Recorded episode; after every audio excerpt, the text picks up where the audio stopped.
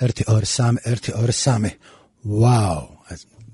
გაგრძელება არა მაქვს უბრალოდ ეს ვაუ მინდა და რაღაცნაირად მეთქვა მოგესალმები ქართველო ერო. მოგესალმებით ყველას დიდო და პატარაო. დიდარო და უპოვარო უკონელო როგორც არის ნიკო ნერგაძე გიბრუნდებათ მორიგი ნიკოს პოდკასტით დღეს უსტუმროთ ვარ მარტო ვარ რამდენიმე სიმღერას გაგიზიარებ და გზა და გზა ვილაპარაკებ. აი მაქხოძე ვართ როიცოდეთ ეგ ამბავია და ეგ სიყვარულია. ასე რომ მაგ სიყვარულში გაგვიმარჯოს სულ ყველას და მაგ სიყვარულით დავიფერფლოთ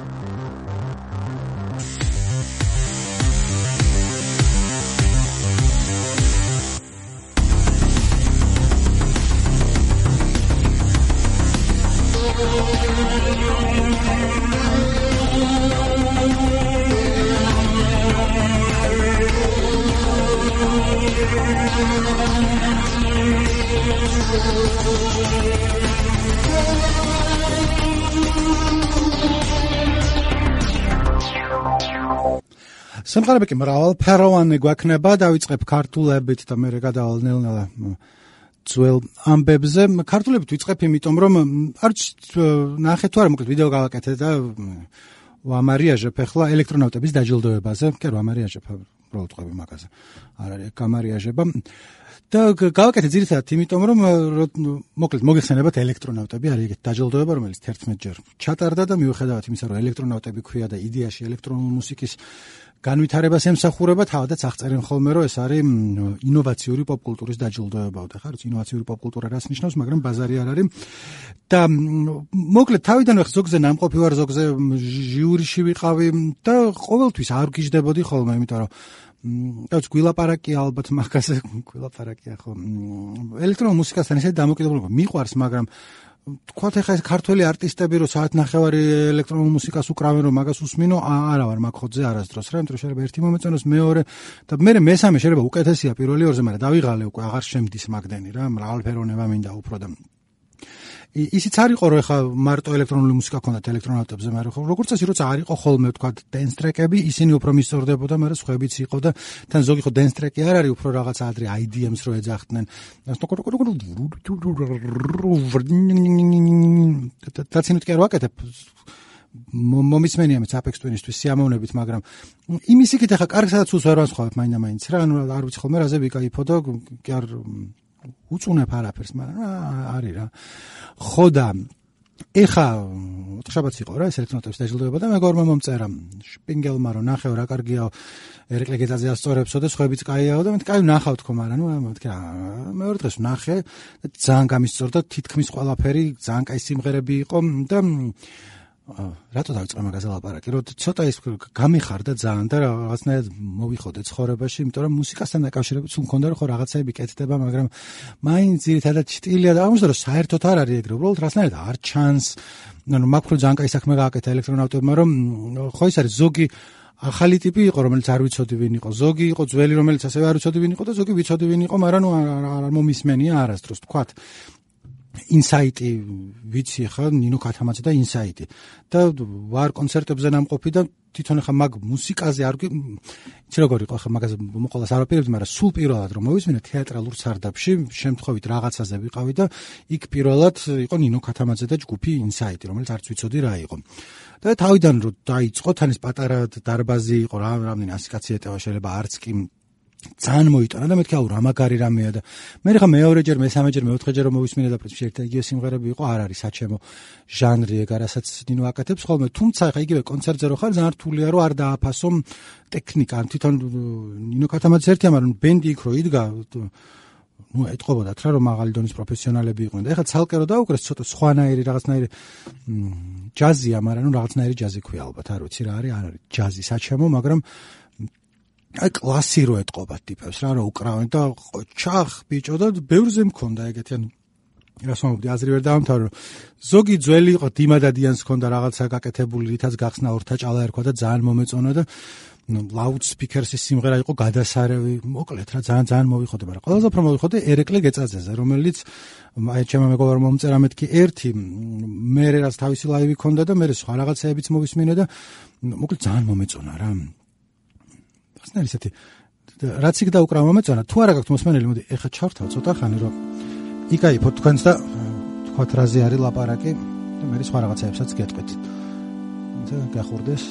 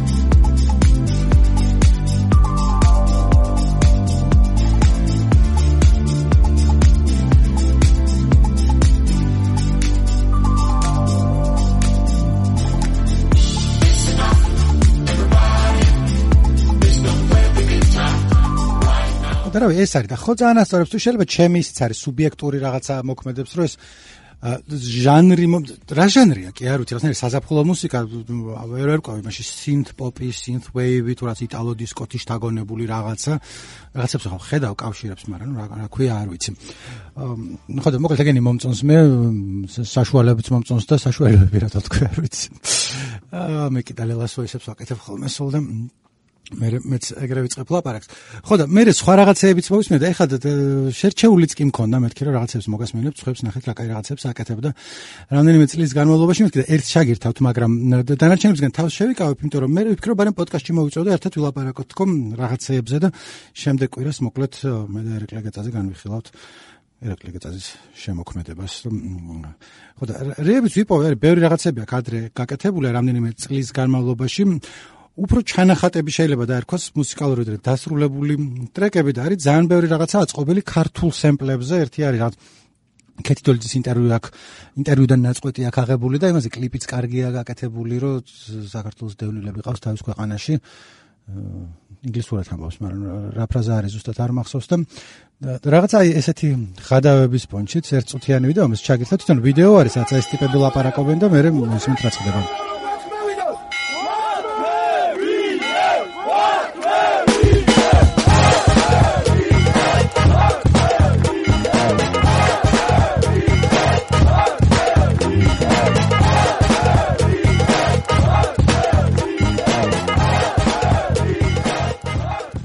ეს არის რა მე აღარ მიდის არსად ეს ამბავია ღადავი არის ერთგვარი მაგრამ თან ღადავიც რა აა შეიძლება აქედან რაღაცა ტრეკის გამოდნობა მე საკაიფოსი თუ მოუნდა ადამიანს. მოკლედ ამაზე უფრო შემდეგ კვირას ვილაპარაკებთ მეტი მქონდა რაღაც ამაზე მომზადებული ჩემი აზრები მაგრამ ნუ ეხლა ყველა გადაცემა რო ერეკლე გეწაზე იყოს ეგრეთ არ გვინდა მე მგონი არავის არა იმიტომ რომ არ ეკუთვნის მაგრამ ნუ რა სხვა რაღაცებიც არის. აა სალაპარაკო. ხო და ის რატო გამეხარდა ეს ელექტრონიტების ამბავი რომ უყურებდი რომ ერთ-ერთი რაზეც ხა მანამდეც მილაპარაკია მაგრამ ჩემი ტკივილი რაც არის ამ ქართულ მუსიკასთან დაკავშირებით არის რაღაცის სცენის არარსებობა სცენა ინგლისურად რომ სინ ამბობენ მაგის გაგებით ანუ სასტავი რო ერთად ჩიტავს ხოლმე. იმიტომ რომ რასაც მე ვაკვირდებოდი ყველაფერში ეგრე ახელოვნებაში რომ შეიძლება ვიღაცა გაიჩითოს მარტო და ისა აქვს გენია აქვს ან ძალიან ნიჭიერი ან რაღაცა მოარტყან რაღაცა ბაზარი არ არის ყოფილა ეგრე რომ მარტო ხარ და გააკეთებ და გაგივა, მაგრამ გაცილებით უფრო ადვილია ყველასთვის, როცა სასტავი რაღაცის გარშემო იკრებება ხოლმე და მე თან ერთმანეთს ხელს უწყობენ უკეთესი გამოდის ისედაც მენელისთვისაც კარგია. აი მე უფრო ყველაფერში ეგრე ეჭვი მაქვს. კინოშიც ეგრეა ალბათ, იმიტომ რომ შეხედო სეთ როგანი, რომელიც და ჯონა ჰილი და ფრანკოები, ძმები და მთელი მაგათი სასტავი რო არის, ცალ-ცალკე აღებული. სეთ როგანი არავის ნიჭერი არ მეჩვენება, არც მსახიობა, არც უფრო საყვა, არც რეჟისორად, რაღაცა, მაგრამ ვიღაცებს ერთად რო ჩიტავს ხოლმე, ჯერთ კაი მსახიობი დადგამოს, ჯონა ჰილი არის ორჯერ წარდგენილი ოსკარზე, ვინი ფიქრობდა ახლა, ხო, დავიდან. და ფილმი გადაიღო კარგი როგორც ამობენ არ მინახავს, მაგრამ ეთყობა რომ საკაიფო ფილმია, ჯონაზე არის ეს სეთ როგერმაც გადაიღო ფილმი, რომელიც ნუ არ გამოვიდა ეს ინტერვიუ. მოკლედ რა, იმის თქვა მინდა რომ სასტავი ერთად რო არის, რაღაცა ერთი მეორესგან რაღაცას ისწავლის, ერთი მეორეს გაკაჩავს, მეორე მესამეს გაჩითავს და მე საბოლოო ჯამში ყველა მოგებული რჩება. თქვათ ეხა ეს მუსიკაზე გადავალ. იგივე ყოფილა მთელი რიგი მიმდინარეობები მე ხო უფრო პანკთან დაკავშირებულს ვამბობ, იმიტომ რომ ეგენი მევასება, მაგრამ სხვაგანაც, რომლებიც ცალ-ცალკე აღებული მერე გაიჩიტნენ ხალხი, მაგრამ უფრო მნიშვნელოვანი იყო სცენა, რომელიც იყო. თქვა 80-იან წლებში DC punk scene hardcore punk-ი ვაშინგტონში დაფუძნებული ათობით ჯგუფი, რომლებიც ჩითავდნენ ერთად, რაღაცა კონცერტებს ატარებდნენ და ზოგან 40 კაცი იყო, ზოგან 400 კაცი იყო, დიდი არ იყო არც ერთი 400 ალბათ შეიძლება კიდე ბევრი მომევიდა და იმ წუთას ახლა არც იყიდებოდა ბევრი, არც არაფერი, მაგრამ ვინც იქ იყო იმას მაგრა უსწორდებოდა ერთი, მე ერთი ორი ბენდი მანდედან წამოვიდა და უფრო სახელოვანი გახდა. მე მთლიანად ამ პონტმა სხვებზე მოახდინა გავლენა თუნდაც ნირვანაზე და ვიღაცა გრანჯზე, რომლის ეთოსი თუ რაღაცა მსოფლმხედველობა თუ როგორც არის, დიდწილად მანდედანაც გამოდიოდა. არა მარტო, მაგრამ ნუ ნექსასტავიც იყო. იგივე ავიღოთ ნიუ-იორკში CBGB ერთ-ერთი ყველაზე ცნობილი კლუბი, რომელიც ოდესმე ვინმე სადმე ქონია.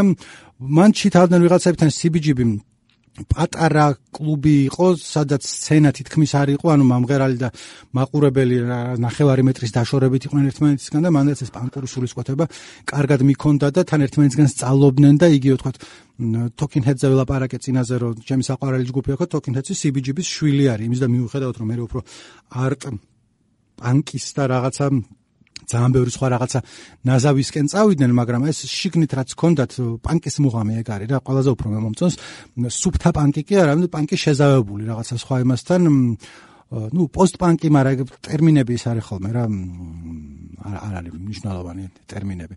იცი რატო ახლა постпанки, ხო რა არის постпанки? არავინ არ იცის, უბრალოდ ბევრ დეფინიციას შეხვდებით, მაგრამ სხვა სხვანაირად გამოიყურებოდა ხოლმე. თქვა პოსტ-პანკსა და ნიუ ვეივ შორის რა განსხვავებაა, რომ ნიუ ვეივს ეძახდნენ საერთოდ სულ ყველაფერს, რაც პანკის მერე იყო, მათ შორის პანკსაც, მათ შორის პოსტ-პანკსაც და მერე რაღაცნაირად შეიცვალა ეს განსაზღვრება და უფრო ამბობდნენ synth pop-თან დაკავშირებით, ოღონდ ხა იმ ბენდებსა და სხვა ბენდებს შორის Velvet Underground შორის, რომელსაც თავიდან No Wave-ად მოიხსენ, No Wave-ად კი არა, ბოდიში New Wave-ად მოიხსენიებდნენ, საერთოდ არ არის არანაირი კავშირი. და თან ველეთ ანგრაუნდის ხშირად პოსტპანკში გაღავთ ხოლმე და ბევრი რაღაცა რაც პოსტპანკში გაღავთ პანკს უსწრებს დიდი ხნით და მთელი ამბებია რა მანდ ვერ გაიგებ მაგრამ აი ეს პოსტპანკი რასაც ქვია რომ იდეაში 70-იან წლების ბოლოს 80-იანების დასაწყისში იყო სასტავი ვისაც პანკი იდეაში მოწონდა ანუ სულისკვეთება ის DIY ethics ქვია do it yourself ethics რო თქვა დიდი ხმის ჩამწერი სტუდიები შეიძლება არ გვინდოდეს შენით გააკეთეთ ცოტაც მუსიკა უფრო მეტი უნდა იყოს ვიდრე თქვა ნაშობა და როკ-ენ-როლი ან რაღაცა სათქმელი უნდა გქონდეს ესენი მაგას ეთანხმებოდნენ მაგრამ ამბობდნენ რომ თქვა პანკს რაც აქვს რო ეს სამი აკორდი და როკერო ბლუზის არ გვინდა მაგეთი თავს ნუ შევიზღუდავთ და მე სხვა სხვა მხრივ წავიდნენ ხო? რატო ისა მაქვს ცნობიერების ნაკადი მაქვს და ბოდიში თუ არ არის საინტერესო მაგრამ მე სხვა სხვა მხარეს წავიდნენ და ზოგი პირიქით უფრო ფორმულებში ჩაიკეტა. იგი დისის პანკის სცენა იყო ეგეთი რომელიც ძალიან რიგიდულად ამბობდნენ რომ სიმღერა უნდა იყოს ორ წუთზე ნაკლები ძმაო მეტი თუ არის უკვე სელაუთი ხარ და უკვე შენი დედავატირე უნდა წუთნახევარში რაც შეიძლება სწრაფად აგრესიულად და მოსასმენად არის. რა ვიცი რა ხა ვიღაცები ალბათ უსმენენ მაგრამ ძალიან მიჭირს ხოლმე მოსმენა ვერ მომოღავ მაგას.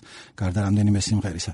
მაგრამ მე მანდენ იყო თქვა თუსკერდო იყო მანდ რომელმაც თქვა რომ არა ცოტა რაღაც სხვა იმეებსაც შევიტან და მე შენ ხარ ბანძი გაჯუ აქედან ჰუსკერდო შენ პოპულარობა მოგინდა და ნუ მოუნდა რაღაც ჰუსკერდო ბევრს არ გაუგია მე იქიდან ვიცი რომ კობეინს ევასებოდა და მე ჩაუჯექი და თუ მე რა გავლენიანი და რაღაცა ისეთი ჯგუფი ყოფილა მაგრამ ნუ ასე პირველი რიგი ჯგუფებში არ მოიხსენიება ხო? და სად ვიყავი ახლა მე რატომ მქონდა ეს ცნობიერების გადმოსვლა სცენიდან. რო ეს სცენარი მნიშვნელოვანი რომ სასტავი ერთად რო იკრიბება ხოლმე თან შემდეგ სიმღერასთან მივიდივარ და მაგიტო ისა მაქვს.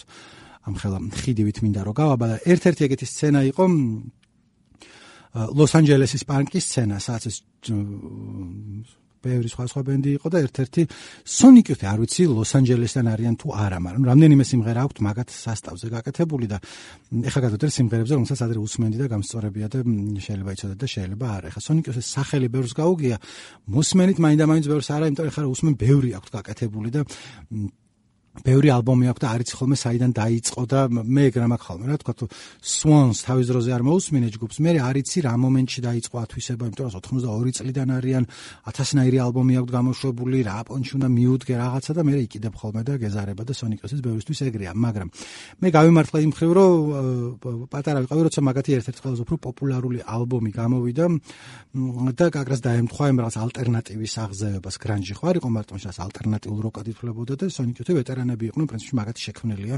საერთოდ ალტერნატიული როკი. მარტო მაგათი არა, მაგრამ ნუ ერთ-ერთი ეგენიც იყვნენ და კონდათ ეს ალბომი, რომელსაც ქვია ღმერთო მომკალი ამ წუთას დამავიწყდა მიუხედავად იმისა, რომ მზად შემოვედი ვითომ თქვენთან რაღაცა რაღაცა და no stars რომელიც მქონდა მოკლედ ვერ გავიხსენებ. ეხლა სიმღერას რო გავუშვებ, ნახავ რომ არ დამეგრუზოთ და არის ფიქრობ, აი მე ვაი მე ნიკო საერთაშორისო ვერ იპოვის, ვიპოვე. ეხლა ვიპოვე, მაგრამ ჯერ ამ სიმღერას გავუშვებ.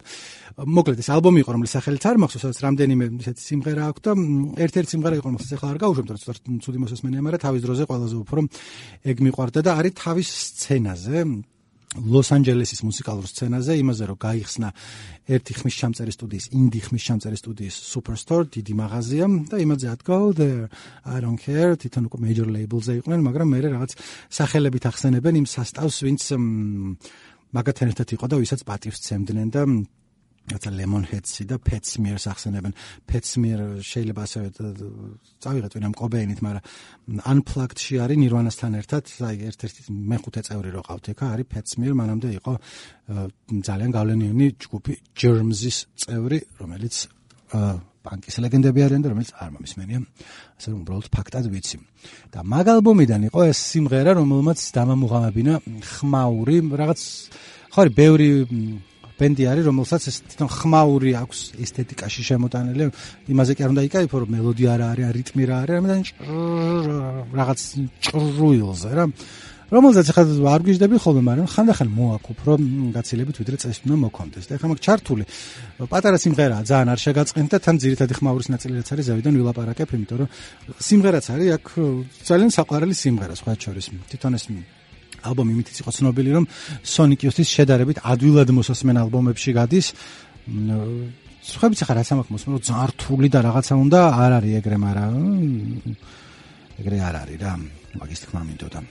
ეგრე არ არის, იყო რომ ამასობაში ჩავხედე აა Google-ს და ალბომს ქვია Experimental Jet Set Trash and No Star. No Star მახსოვდა, მაგრამ პირველი ორი არა, თქმა 14 წელია და სიმღერაც იწყება.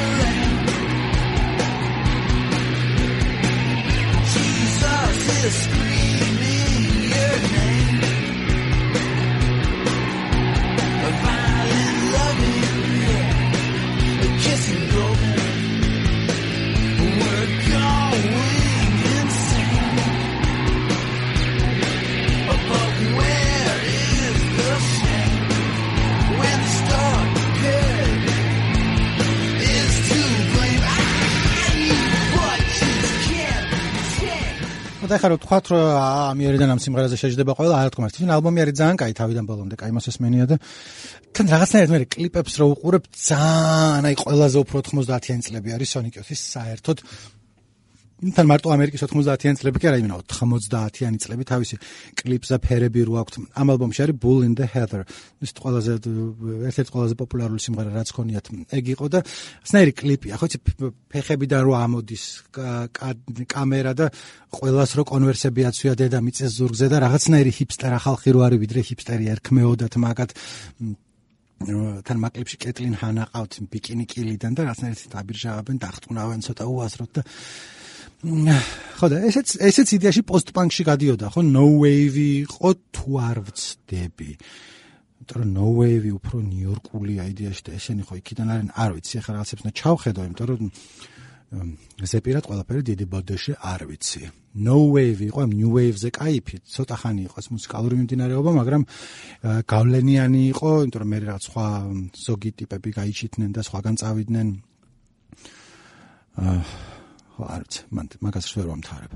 ასევე არაფერ შუაში არ არის არაფერთან, მაგრამ იცი რა არის ძალიან კარგი და რა מחარებს ცხოვრებაში, რომ აღარ არის მოდაში Facebook-ზე კონკურსები, სადაც დალაიქებული ფოტოებით იმარჯვებს ხოლმე ვიღაცა, რომელიც ჯერთი მაგ კონკურსების დედავატირე საერთოდ თლიანად და მე ეგ იყო ხოლმე რომ ვიღაცები რომ გიგზავნიან თან არც ფლად უცხო ხალხი, არც ძალიან ახლო მეგობრები რომ გახსენი ლინკი თუ შეიძლება და დაალაიქეს ფოტო და აი იქნება არ მინდა ანუ იმიტომ კი არა რაც ცუდ გამარებაში დგებოდი ხოლმე ადამიანი თუ ერთი მხრივ ჩემი რამიდის ხო? ადამიანს რაღაცა უნდა და გახსენდა და დაალაიკე და ნუატრაკებ მეორე მხრივ არა იქნება არ ვალაიკებ ანუ რაღაცა იქნება სხვა უფრო მომეწონა თან და მე რა ხა მოკლედ რა თან ამანებე თავი გასაგები როც კონკურსში იგებ შამპუნების ნაკრები შეიძლება მოიგოან რაღაცა შანსი კონდეს რომ მოხდე ლატარეაში სადაც გამარჯვებული შემდეგ გადავა მეორე ეტაპზე რომლის მეხუთე ეტაპზე მსოფლიო ჩემპიონატზე გაგიშვებენ რაღაცის ჰოკეის და არა რა და ძალიან კაია რომ ეგ აღარ ხდება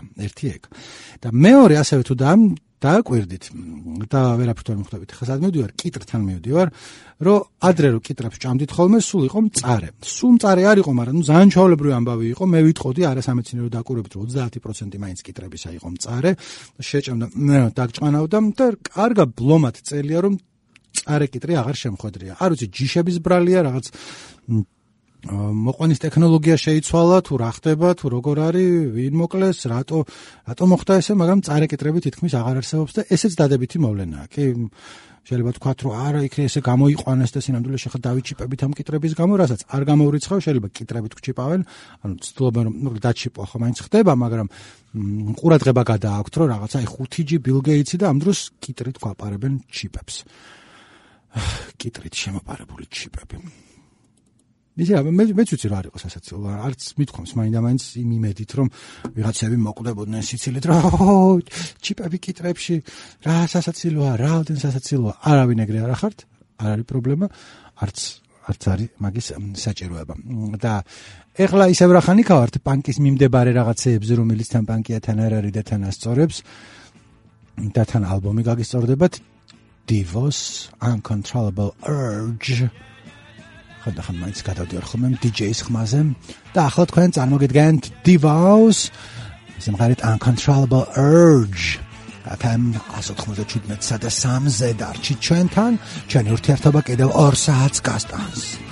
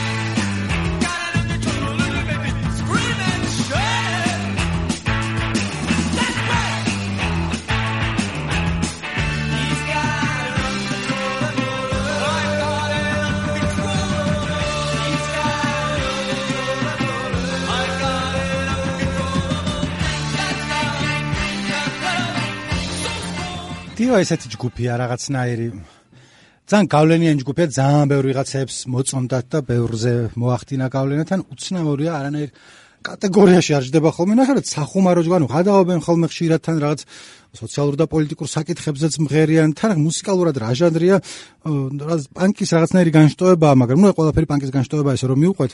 და ნიუ ვეივი რა ცოტა ელექტრონული მუსიკა მეરે უფრო დიდწილად ელექტრონული მუსიკა იყო რაღაცნაირი ფორმები ეცვათ ხოლმე ისე აკეთებდნენ და აა ასებოდა ხალხს. და ხანდახან მაქვს ხოლმე ესა წინადებას არ ვამთავრებ ხოლმე. და ვიცი მაგრამ ვცდილობ რომ ისა ვქნა დავძლიო ეგ საკითხი მაგრამ რაღა კოზიან სამარე გაასწორებსო და აგერ რაღაცა კიდე ანდაზა არ არის ეგეთი რომ დედაბერი ბოსტონში წავიდა და კიტრი ხალთაში დარჩაო. ალბათ არ არის ეგეთი ანდაზა მაგრამ უნდა იყოს იმიტომ რომ კიტრი ჩიპი ასევე ალტერნატიული როკი შექმნა არიემმა და არიემ იყო დიდი ხნის განმავლობაში ჩემი საყვარელი ჯგუფი და ეხლა ამ სიმღერას გავშვებ და დავამთავრებ, იმიტომ რომ ბოდავ რაღაცებს. დღეს ცოტა არ იყოს მომზადებელი მოდი, იდეაში დღეს მქონდა გათქვა რომ ერთი ფილმის შინაარსი უნდა მომეყვა თქვენთვის. მოკლედ ეხლა გეტყვით რა ხდება რომ ამასინაც სამსახურში დატვირთული დღის ბოლოს მე და ჩემ მეგობარი შიო გამოვედით თითოეული დავლეთ და უცებ ამიტყდა და მოუყევ ერთი ფილმი რომელიც ორი დღის წინ ნახე მაშინ ორი დღის წინ იყო მაგრამ ნუ ეხლა რაღაც რამდენიმე თვის წინ გამოდის Netflix-ზე ვნახე და თავიდან ბოლომდე მოუყევ ფილმი არ მომიყოლია არასდროს ხო ბავშვობაში რომ ფილმებს ყვებოდნენ ხოლმე ერთმანეთს და მე ვთქვა ძალიან საინტერესო იყო და პოდკასტი გააკეთე მაგაზეო და მე ხან ერთი ლუდი მქონდა დალეული მეთქი ეხლავე წავალ და გავაკეთებ და მე ხა მოვდიოდი მაგ ხოდით რომ მეთქი მაგ ფილმს მოგიყვებით და რაღაცა ვერ ვერ მოვიდი მაგის ხასიათზე. შემდეგ კვირას რაღაცებს პირდაპირ ხომ ხანდახან და არ ვაკეთებ მაგრამ შემდეგ კვირას გავაკეთებ მაგას და მაგ ფილმს მოგიყვებით და ასევე კიტრის და ჩიპის ხუმრობის არ იყოს შეიძლება არ იყოს საინტერესო. მაგრამ მე რო დაფიქრდები როდის შემიჩა შეუჩერები ვარ რამეს? რაღაც შეიძლება არ იყოს საინტერესო მაგრამ მოყვე და თავი მაგის ხასიათზე იყო ხო? მაგასაც აქვს მნიშვნელობა მაგასაც აქვს მნიშვნელობა ხო და არიმს მოუბრუნდები ისე ხო და მე სიმღერები ავარჩიე მეთქი მე დაველაპარაკები ადამიანს და შეიძლება ცოტა აბდაუბდა ვიყო შეიძლება აზრი არ გამოდიოდეს არც ასაცილო იყოს და არც საინტერესო მაგრამ ვინც გვისმენს იცი არა დრო დრო დრო ხდება ხოლმე და მადლობა რომ იცით და მადლობა რომ მაინც გვერდში გითხართ არიემს აქვს ალბათ ყველაზე მეტი ზედიზედ კარგი ალბომი გაკეთებული ყველა ჯგუფს შორის, იმიტომ ძალიან ბევრი ხანია იყვნენ, ძალიან ბევრი მიჯრით ქონდათ მაგარი ალბომები გაკეთებული. მე ერთი ჩემი აზრით ჩავარდნა Monster, რომელიც ასნა ალტერნატიული როკის დაკვრას სცადეს და მთლად კარგად არ გამოვიდეთ და მაგის მერე გამოუშვეს აი ბოლო კარგი ალბომი რაც აქვს, სხვაგან კარგი სიმღერები ბლომათ აქვს, მაგრამ ნუ ეს ძალიან კაი ალბომია New Adventures in Hi-Fi, სადაც არის აი სიმღერა ერთ-ერთი საუკეთესო რაც დაუწერიათ. პატი სმიტი ყავთ to Patti Smith. Backing vocal-ებზე Ebo the Letter. და ამით დაგემშვიდობებით მადლობა რომ გვიტანთ ხანდახან dreaming of Maria Callas wherever she is. This thing thing I don't get it. I wrap my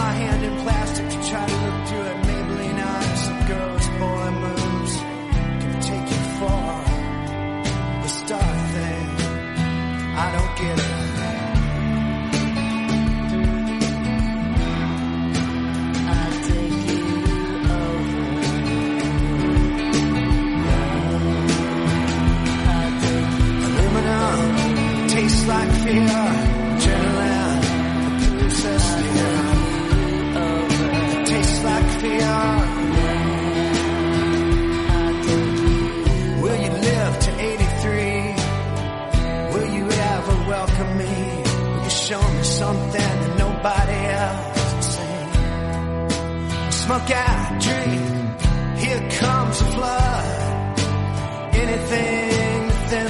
These corrosives do their magic slowly. Sweet. Fall, eat it, drink. Just another chain, cuts and dents, they catch the light. Aluminum. Weak slave I don't want to disappoint you. I'm not here to anoint you. I would lick your people. Is that the sickest move? I wear